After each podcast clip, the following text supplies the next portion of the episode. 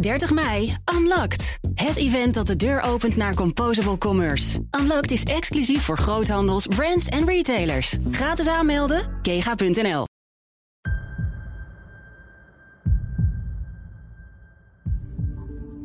Wat hebben darmbacteriën met je hersenen te maken? Die, horen daar toch helemaal niet te komen? En kun je met gezonde voeding je hersenen fit houden? Dit is Baan door het Brein, een podcast van BNR Nieuwsradio.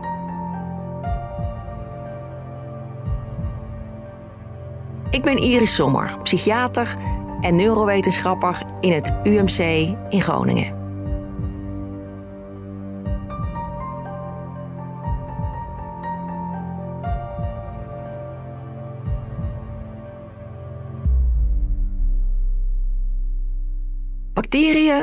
Waren de eerste levensvorm op aarde. Planten en dieren hebben zich ontwikkeld in een wereld die al vol bacteriën was. Ze waren en zijn overal. In de zee, op het land, in de lucht. Zelfs op de Noordpool en in de diepste diepzeetroggen. Maar zelf zitten we ook vol bacteriën. Ze zitten op onze handen, in onze mond, zelfs in onze longen. Eigenlijk zijn we één grote wandelende verzameling bacteriën. Veruit de meeste bacteriën zitten in onze darmen. Naar schatting zo'n 1 biljoen. Dat is maar goed ook, want we hebben ze hard nodig. Zonder die darmbacteriën zouden we ons eten maar heel matig kunnen verteren. Ons immuunsysteem zou niet goed getraind worden, maar ook onze hersenen zouden zich niet goed ontwikkelen. Bovendien zouden we ons waarschijnlijk nogal angstig en depressief voelen. Hoe dat komt, zal ik je uitleggen. Wanneer een baby tijdens de baring naar buiten wordt geperst, dan komt hij volop in aanraking met de bacteriën uit de vagina van de moeder. Dat is heel goed, want die bacteriën vormen de basis voor de darmflora van het kind. Zwangere vrouwen krijgen onder invloed van het vrouwelijk geslachtshormoon oestrogeen steeds meer bifidusbacteriën in hun vagina. En laat dat nou precies de bacterie zijn die de baby nodig heeft voor zijn darmen. Bij de geboorte is de babydarm nog vrijwel leeg. In de eerste maanden wordt hij langzaam bewoond door bacteriën. Ouders weten dat, want de gele babypoepjes van de pasgeborenen, die nog helemaal niet stinken, die veranderen in die maanden in de bekende stinkende bruine smurrie die wij ook maken. Die stank, dat doen de bacteriën. Ze maken stoffen als methaangas, boterzuur en zwavelwaterstof en die ruik je. In eerste instantie wordt de babydarm bijna helemaal bewoond door die bifidusbacteriën. Pas als het kindje ook andere dingen gaat eten, wordt zijn darmflora diverser. Met een jaar of drie heeft hij een mooie, gevarieerde bacteriedierentuin in zijn darmen, net als gezonde volwassenen dat hebben. Die bifidusbacteriën heeft de baby hard nodig om zijn melk goed te verteren. In moedermelk zitten niet alleen stoffen om de baby te voeden, maar ook stoffen om juist de bacteriën in de babydarmen te voeden. Want een blije darmflora maakt blije baby's. Kinderen die met een keizersnede geboren worden of die geen moedermelk krijgen, die staan dan ook 1-0 achter wat hun darmflora betreft. Wetenschappers zijn hard bezig te onderzoeken hoe dat voor hen goed gemaakt kan worden. Maar nu de hersenen. Wat hebben die daarmee van doen? De ontwikkeling van de hersenen is bij de geboorte nog lang niet af. In de eerste drie levensjaren wordt er elke seconde zo'n miljoen extra verbindingen aangelegd. Na de peutertijd neemt het aantal verbindingen juist weer wat af.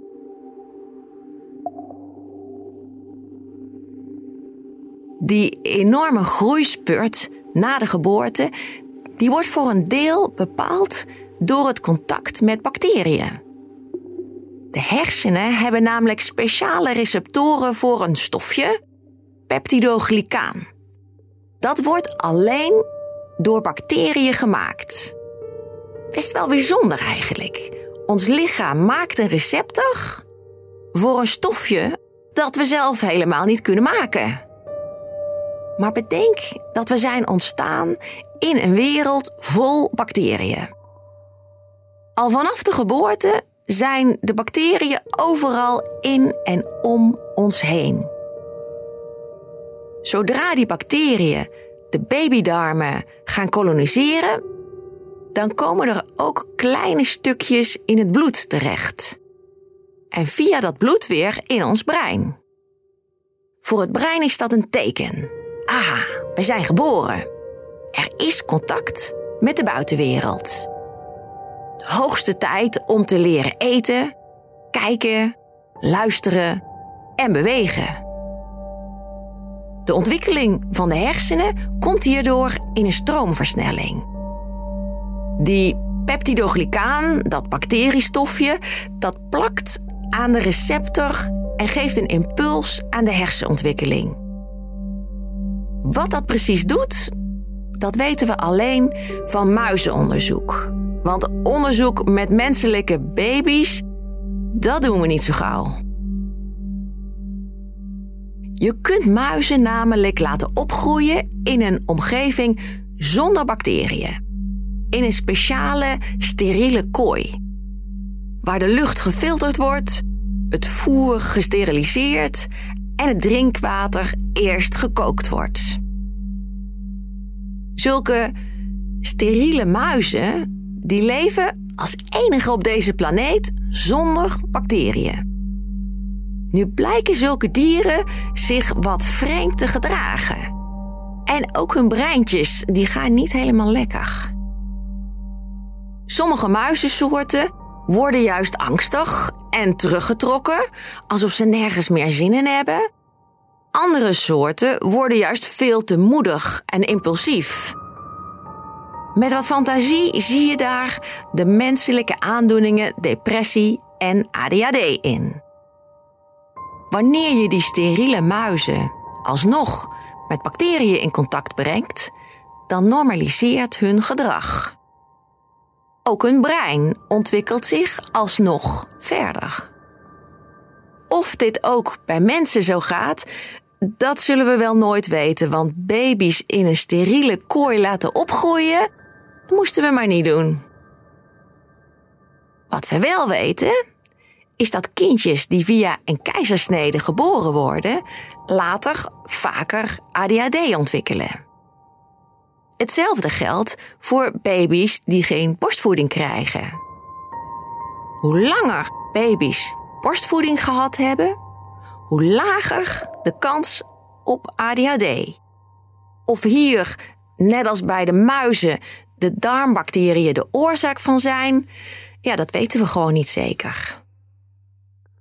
We weten wel dat darmbacteriën invloed hebben op de boodschapperstoffen van de hersenen en daarmee ook op ons gedrag. De meeste boodschapperstoffen dat zijn aminozuren. Aminozuren dat zijn de bouwstenen van eiwitten. Die krijgen we binnen via ons voedsel. Serotonine bijvoorbeeld wordt gemaakt van het aminozuur tryptofaan. Als je een dieet eet waar nauwelijks tryptofaan in zit, dan zul je een tekort aan serotonine krijgen en voel je je heel beroerd. Dat zou dan wel een heel streng dieet zijn, want tryptofaan dat zit in heel veel voedingsmiddelen. Het is inmiddels niet meer ethisch om daar onderzoek naar te doen. Zo naar voelen mensen zich zonder dat aminozuur in hun voeding. Het is echter niet hoe meer, hoe beter. Dus als je bakken tryptofaan eet, dan word je daar niet gigavrolijk van. Helaas. Ook dopamine wordt uit een aminozuur gemaakt. Een stukje van een eiwit uit de voeding.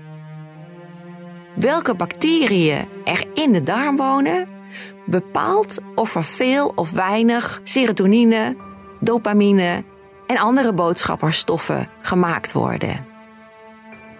Voor dopamine zijn de bacteriestammen Lactobacillus en de Enterokokkenfamilie bepalend. Bij mensen met de ziekte van Parkinson luistert dat heel nauw. Zij krijgen vaak het medicijn levodopa, waar de hersenen dan weer dopamine van kunnen maken. Als je veel van die enterokokken in de darm hebt, dan zetten die de levodopa al in de darm om naar dopamine. Dat is niet handig, want die omzetting hoort pas in de hersenen te gebeuren. Je moet dan een veel hogere dosis medicatie gebruiken om nog goed effect te krijgen. Ah, lekker, denken de bacteriën. En zo krijg je dus nog meer van die enterokokken. Die levodopa is maar één voorbeeld. Er zijn heel veel medicijnen die door darmbacteriën worden opgegeten of juist versterkt worden. Er is nog een boodschapperstof die sterk afhankelijk is van de bacteriën in de darm. Dat is gamma-aminoboterzuur, afgekort GABA. Dat is een boodschapperstof die in de hersenen een remmende werking heeft. Van veel GABA word je rustig. Van heel veel GABA val je in slaap. Ook deze boodschapperstof wordt in de darm gemaakt. De chemische structuur van GABA verschilt maar weinig van glutamine. Maar dat is nu juist een prikkelende boodschapperstof. Ook die wordt in de darm gemaakt. De bacteriestam Bacteroides kan het remmende GABA omzetten in het stimulerende glutamaat. Bij mensen met weinig bacteroïdes in de darm kan die omzetting verminderd zijn. Experimenten met muizen laten zien dat manipulatie van deze bacteriesoort de diertjes meer of minder schuw en sloom maakt. We denken dat dat bij mensen ook zo werkt. Een extreem voorbeeld van de darm-breinas in actie is de antibiotica-manie. Dat is een beeld waarbij iemand een stevige antibiotica-kuur krijgt, bijvoorbeeld voor bloedvergiftiging of longontsteking, waardoor de bacteriën in de darm massaal doodgaan. Door het plotseling wegvallen van de GABA-productie in de darm krijgen de hersenen een tekort aan remming. Dat kan leiden tot een psychose of een manie. Iemand raakt helemaal ontregeld, kan niet meer slapen en draait echt door. Rinkje van de Brink, NOS-verslaggever over gezondheid, die ervoer zo'n antibiotica-manie en schreef daarover het autobiografisch boek Ik ben er weer. Zijn ondertitel, Gered door een psychiater, sprak mij uiteraard erg aan. Maar darmbacteriën doen veel meer dan alleen boodschapperstoffen maken of afbreken. Ze zorgen dat de cellen van het immuunsysteem getraind worden. De meeste immuuncellen zitten in de darm. Daar maken ze kennis met bestanddelen van voedsel, zoals gluten en lactose, maar vooral ook met de hele dierentuin die daar leeft. Bacteriën, virussen, eencellige schimmels en soms parasieten. Dat leert hun wat pathogenen zijn en welke gasten gedoogd kunnen worden. Een onvolledige dierentuin in je darmen, bijvoorbeeld doordat je als kind lang antibiotica moest gebruiken, zorgt voor een slechtere training van het immuunsysteem. En geeft meer kans op allergie en voedselintolerantie.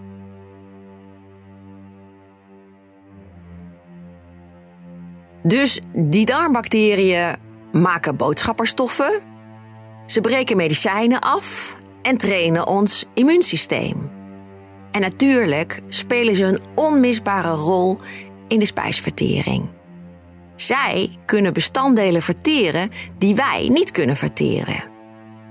Sommige mensen hebben een darmflora die daar zo goed in is dat ze uit dezelfde voeding wel 20% meer calorieën halen dan mensen met een minder efficiënt bacterieteam in hun darmen.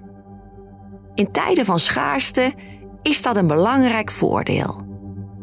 Maar in onze tijd van overvloedige voeding worden mensen met zo'n top bacterieteam juist eerder dik. Wanneer je de darmflora van dikke mensen via een poeptransplantatie overbrengt op steriele muizen, dan worden zij ook dik. Tenzij ze alleen maar groente krijgen. Dan blijven ze netjes slank. Of je nu dun of dik bent, dat hangt in eerste instantie af van wat je eet, maar zeker ook van de samenstelling van je darmflora. Voedingsvezels zijn voor ons niet verteerbaar, maar voor bacteriën wel. Ze zitten in fruit, groenten, bonen en volkorenproducten. Alles wat jij niet kunt verteren, dat vinden zij heerlijk. Die voedingsvezels breken ze af tot een stinkend stofje, boterzuur. Maar dat boterzuur is wel perfect voor je darm. En bovendien heel goed voor je brein. Het houdt darmen en brein in topconditie. Wanneer je gaat eten, kies dan je menu niet alleen voor jezelf, maar ook voor je darmbewoners.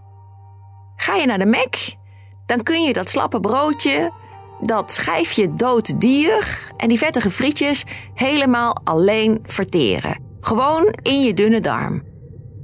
Het komt allemaal als suikers en vetten in je bloed terecht. En er gaat helemaal niks door naar je dikke darm. En daar zitten de meeste bacteriën. Die moeten dan op een houtje bijten. Ze maken dan ook geen boterzuur voor jou. Dus eerder darmproblemen en meer kans op hersenziekten. Maak je een gerecht met veel groenten, bonen en volkorengranen, dan komt er een feestmaaltijd door naar je dikke darm. En zullen de enterokokken, de bacteroïdes, de lactobacillen en de hele ark van Noach daar beneden je er ruimhartig voor belonen. Genoeg voor nu. Volgende keer gaan we het hebben over de zintuigen. Ik leg je uit waarom je ogen anders werken dan een camera. En wat proprioceptie is. En uh, bestaat er nou wel of niet dat zesde zintuig? Blijf luisteren, blijf scherp.